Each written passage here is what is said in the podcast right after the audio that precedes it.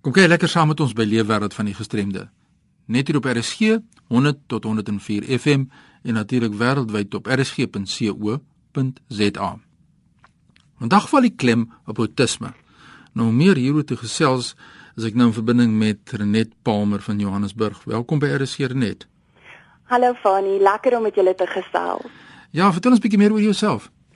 Fani, ek is 'n remedierende terapeut wat baie bevoorreg was om die afgelope 8 jaar onder die bekwame leiding van Margaret Golding te kon spesialiseer in outisme. Nou, ons praat nou oor outisme. Wat is dit? Outisme is 'n mondvol om te verduidelik. Maar dit is basiese ontwikkelingsafwyking wat gekenmerk word deur 'n bepaalde onvermoë in kommunikasie en sosiale verhoudings en die teenwoordigheid van atipiese gedrag soos die vreemde reaksie op sensasie, herhalende bewegings en die aandrang op rotine of dat dinge dieselfde moet bly. Mense lees oor die woord autisme spektrum of jy hoor daarvan, wat is dit? Wat bedoel men daarmee? Autisme word as 'n spektrumversteuring geklassifiseer omdat dit op so diverse wyse um verskillende persone beïnvloed. As jy een persoon met outisme ontmoet het, het jy slegs een persoon met outisme ontmoet. As jy 100 mense met outisme ontmoet het, het jy honderde verskillende mense met outisme ontmoet. Ehm um, en dit kom basies daarop neer dat die spektrum so wyd en so groot is dat nie een persoon met outisme op dieselfde manier ehm um, geaffekteer word nie. As jy nou luisteraar moet antwoord dat vra meer ook hierdie saak wat jy nou net aanraak maar iemand vra is daar verskillende forme van outisme wat sou ons hulle dan sê? Jong Fanny um, dit hang af in watter kamp jy op hierdie punt in tyd is. In die DSM-4 is daar onderskeid gemaak tussen 5 soorte outisme spektrum versteurings waar ons klassieke outisme het Asperger sindroom, Rett se sindroom, kindertyd disintegrasie afwyking en deurlopende ontwikkelingsafwyking maar nie gespesialiseer nie.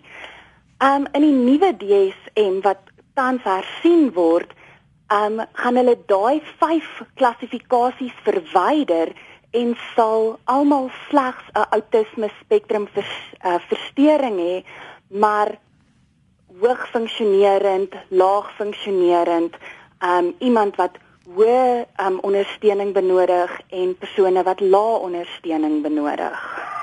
So daai daai klassifikasie gaan wegval met die verloop van tyd. Dis net Palmer wat met ons gesels in die leefwêreld van die gestremde en ons kyk na outisme en die luisteraars gesels ook saam. Hulle wil graag weet uh, kan outisme voorkom of genees word? Dis 'n populêre vraag. Wat sê jy vir ons daaroor? Fanny, die antwoord is onomwonde nee ons weet nog heeltemal te min van hoekom outisme voorkom of hoe outisme ontwikkel. Um en daar is geen genesing vir 'n persoon met outisme nie. Daar's geen um wonderstafie wat ons kan swaai en 'n persoon nie autisties maak nie. Wat ons wel weet is dat met die regte intervensie kan die impak van outisme op ontwikkeling verlig word maar outisme is en bly 'n lewenslange verstoring. As mens prakties wil wees, kom ons kyk na eienskappe waarna ouers of onderwysers moet kyk as hulle dan nou vermoed iemand is dan nou autisties soos jy sê. Ja, van hierdie eienskappe waarna ons kan kyk is dat baie keer het ons kinders min bewustheid van ander rondom hulle. Hulle verbeeldingsspel kan dalk baie swak wees um, spraak en taalontwikkeling kan afwykend, afwesig of stadig wees. Daar's baie keer min reaksie op gesproke taal en ons vind baie keer dat ons kinders optree asof hulle doof is. Veranderinge in rotine of omgewing kan ook 'n kind verskriklik ontstel. Ehm um, hulle kan baie impulsief wees. 'n Onvanpaste gehegtheid aan voorwerpe hê, um, geen werklike vrees vir gevaar nie. Hulle kan verkies om op hulle eie te speel. Hulle kan skielik lag of huil, kan min of geen oogkontak maak nie en oneerweredige, grouwe of fyn metodiese vaardighede kan ook gesien word. baie van hierdie eienskappe op hulle eie kan op enige iets anders ook dui.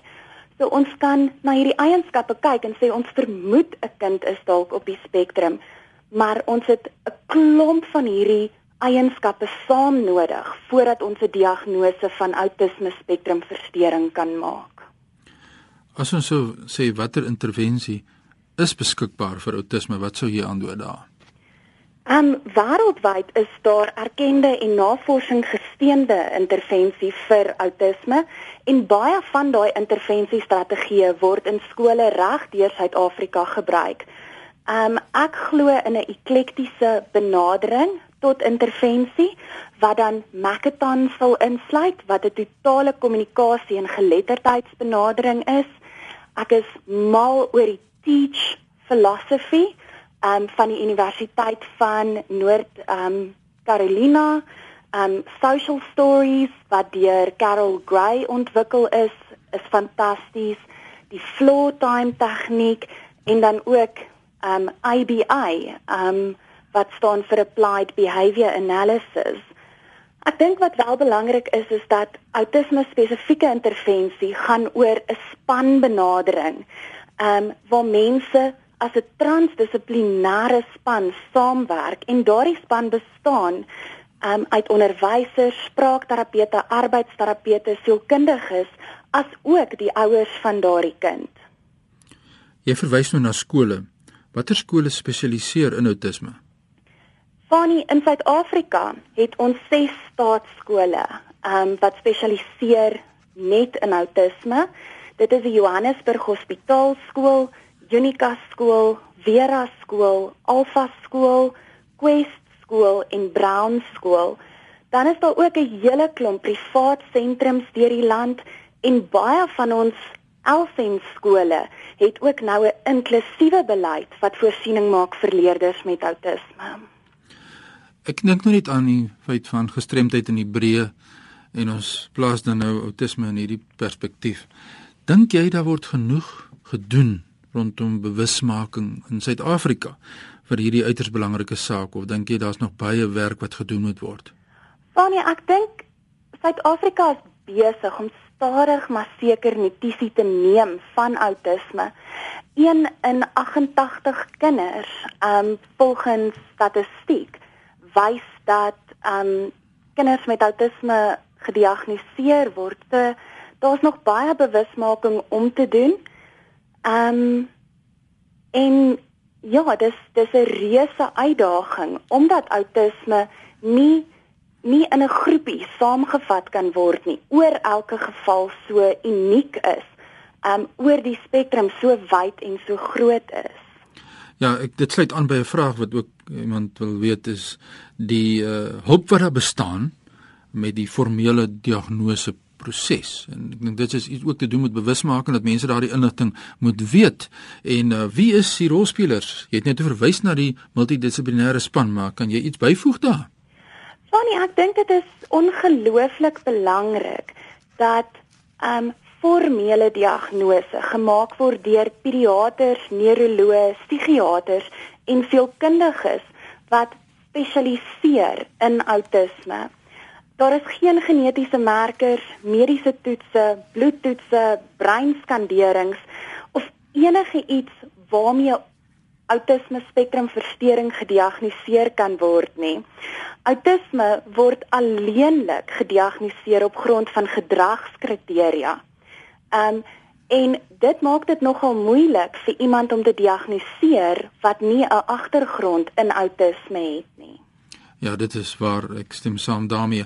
Nou as mense nou luister vanmiddag en stoter afsluiting van ons gesprek, waar kan mense meer inligting kom oor hierdie baie belangrike saak? Autisme Suid-Afrika is die nasionale organisasie vir outisme in Suid-Afrika en Autisme Suid-Afrika is altyd bereid om te help.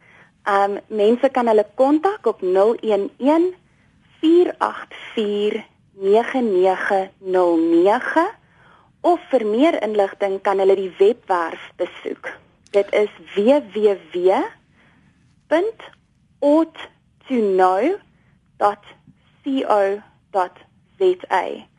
Kan jy vir ons sy telefoonnommer weer gee asseblief? Dis 011 484 9909. Ja, dit was 'n gesprek met Renet Palmer en die baie belangrike saak van outisme. Baie dankie dat jy bereid was om met ons te gesels hieroor. Dankie Fanny. Ja, dit is lekker as die mense saamgesels en inligting deurstuur oor gestremdheid na aanleiding van 'n program wat ons gehad het oor hulpmiddels. Het mense baie geskryf oor die saak met gedagtes na vore gekom en die belangrikheid van hulpmiddels in die lewenswêreld van ons mense met gestremdhede is 'n basiese lewenshulpmiddel en in die Wetskrif oor die integrasie van alle mense met gestremdhede in die Hebreë gemeenskap word na hulpmiddels vir persone met gestremdhede as 'n oplossing tot suksesvolle integrasie verwys. Nou hierdie hulpmiddels moet dus ten volle geskik wees om die belemmering wat mense met gestremdhede ervaar suksesvol te verminder. Dan verwys iemand anders hier na die beleidsdokument rehabilitasie vir almal wat deur die departement van gesondheid ontwikkel is en uh, daar word gepraat sê die persoon na gebruikersvriendelike toestelle en dan word die vraag gevra hoe gebruikersvriendelik is hulpmiddels vir alle forme van mense met gestremthede? En dit bring my by die gedagte verstaan ons watter hulpmiddels beskikbaar is vir vir die verskillende forme van gestremdheid. Verstaan ons wat is die rolstoel van die gehoorgestremde as ek dit so mag stel of uh, wat is die hulpmiddels wat daar bestaan vir die minder visuele forme van gestremdhede. Hierdie toestelle en hulpmiddels moet die beste geleentheid tot volle integrasie vir mense met gestremdhede kan bewerkstellig en volgens ek verstaan die departement van gesondheid moet bekostigbare en toepaslike hulpmiddels aan mense met gestremthede beskikbaar gestel word. En baie belangrik, geen mens mag op grond van sy ouderdom of haar ouderdom of waar hy of sy woonagtig is uitgesluit word nie. Maar tog sê iemand hier die mense in die landelike gebiede kry baie swaar rakende die beskikbaarheid van hulpmiddels. Wat is u mening oor hulpmiddels ons met die debat oophou. Ja, so bring ons die dinge na vore na aanleiding van gesprekke wat ons hier in die program Lewe wat van die gestremde het. Dit is die idee van hierdie program om dinge na vore te bring en mense met mekaar kan gesels oor hierdie baie belangrike sake wat ons mense met gestremdhede ten nouste raak. Tot watter mate werk die owerheid en die nie-regeringsorganisasies en die private sektor saam om hierdie groot behoefte wat bestaan dan aan te spreek in terme van die toepaslike hulpmiddels wat daar vir mense met gestremdhede beskikbaar gestel moet word en ontvang hierdie tekorte wat dan bestaan of mag bestaan die toepaslike aandag van die betrokke owerhede. So stuur 'n e-pos sommer nou aan my oor hierdie baie belangrike saak. Hulpmiddels en natuurlik dan ook op autisme soos wat ons nou gehoor het van Renet Palmer, laat ons gesels. Stuur 'n e-pos aan my by fani.dt@mweb.co.za. Jy kan my volg op Twitter by Fani Dreams of ons kan gesels deur middel van WhatsApp, Facebook en Skype. Ja, dis lekker. Die wêreld het klein geword vir ons deur middel van die tegnologie om inligting uit te ruil oor die leefwêreld van ons mense met gestremthede. Onthou hierdie program word ook woensdagoggende om 3:15 herhaal. Groetnis uit Kaapstad.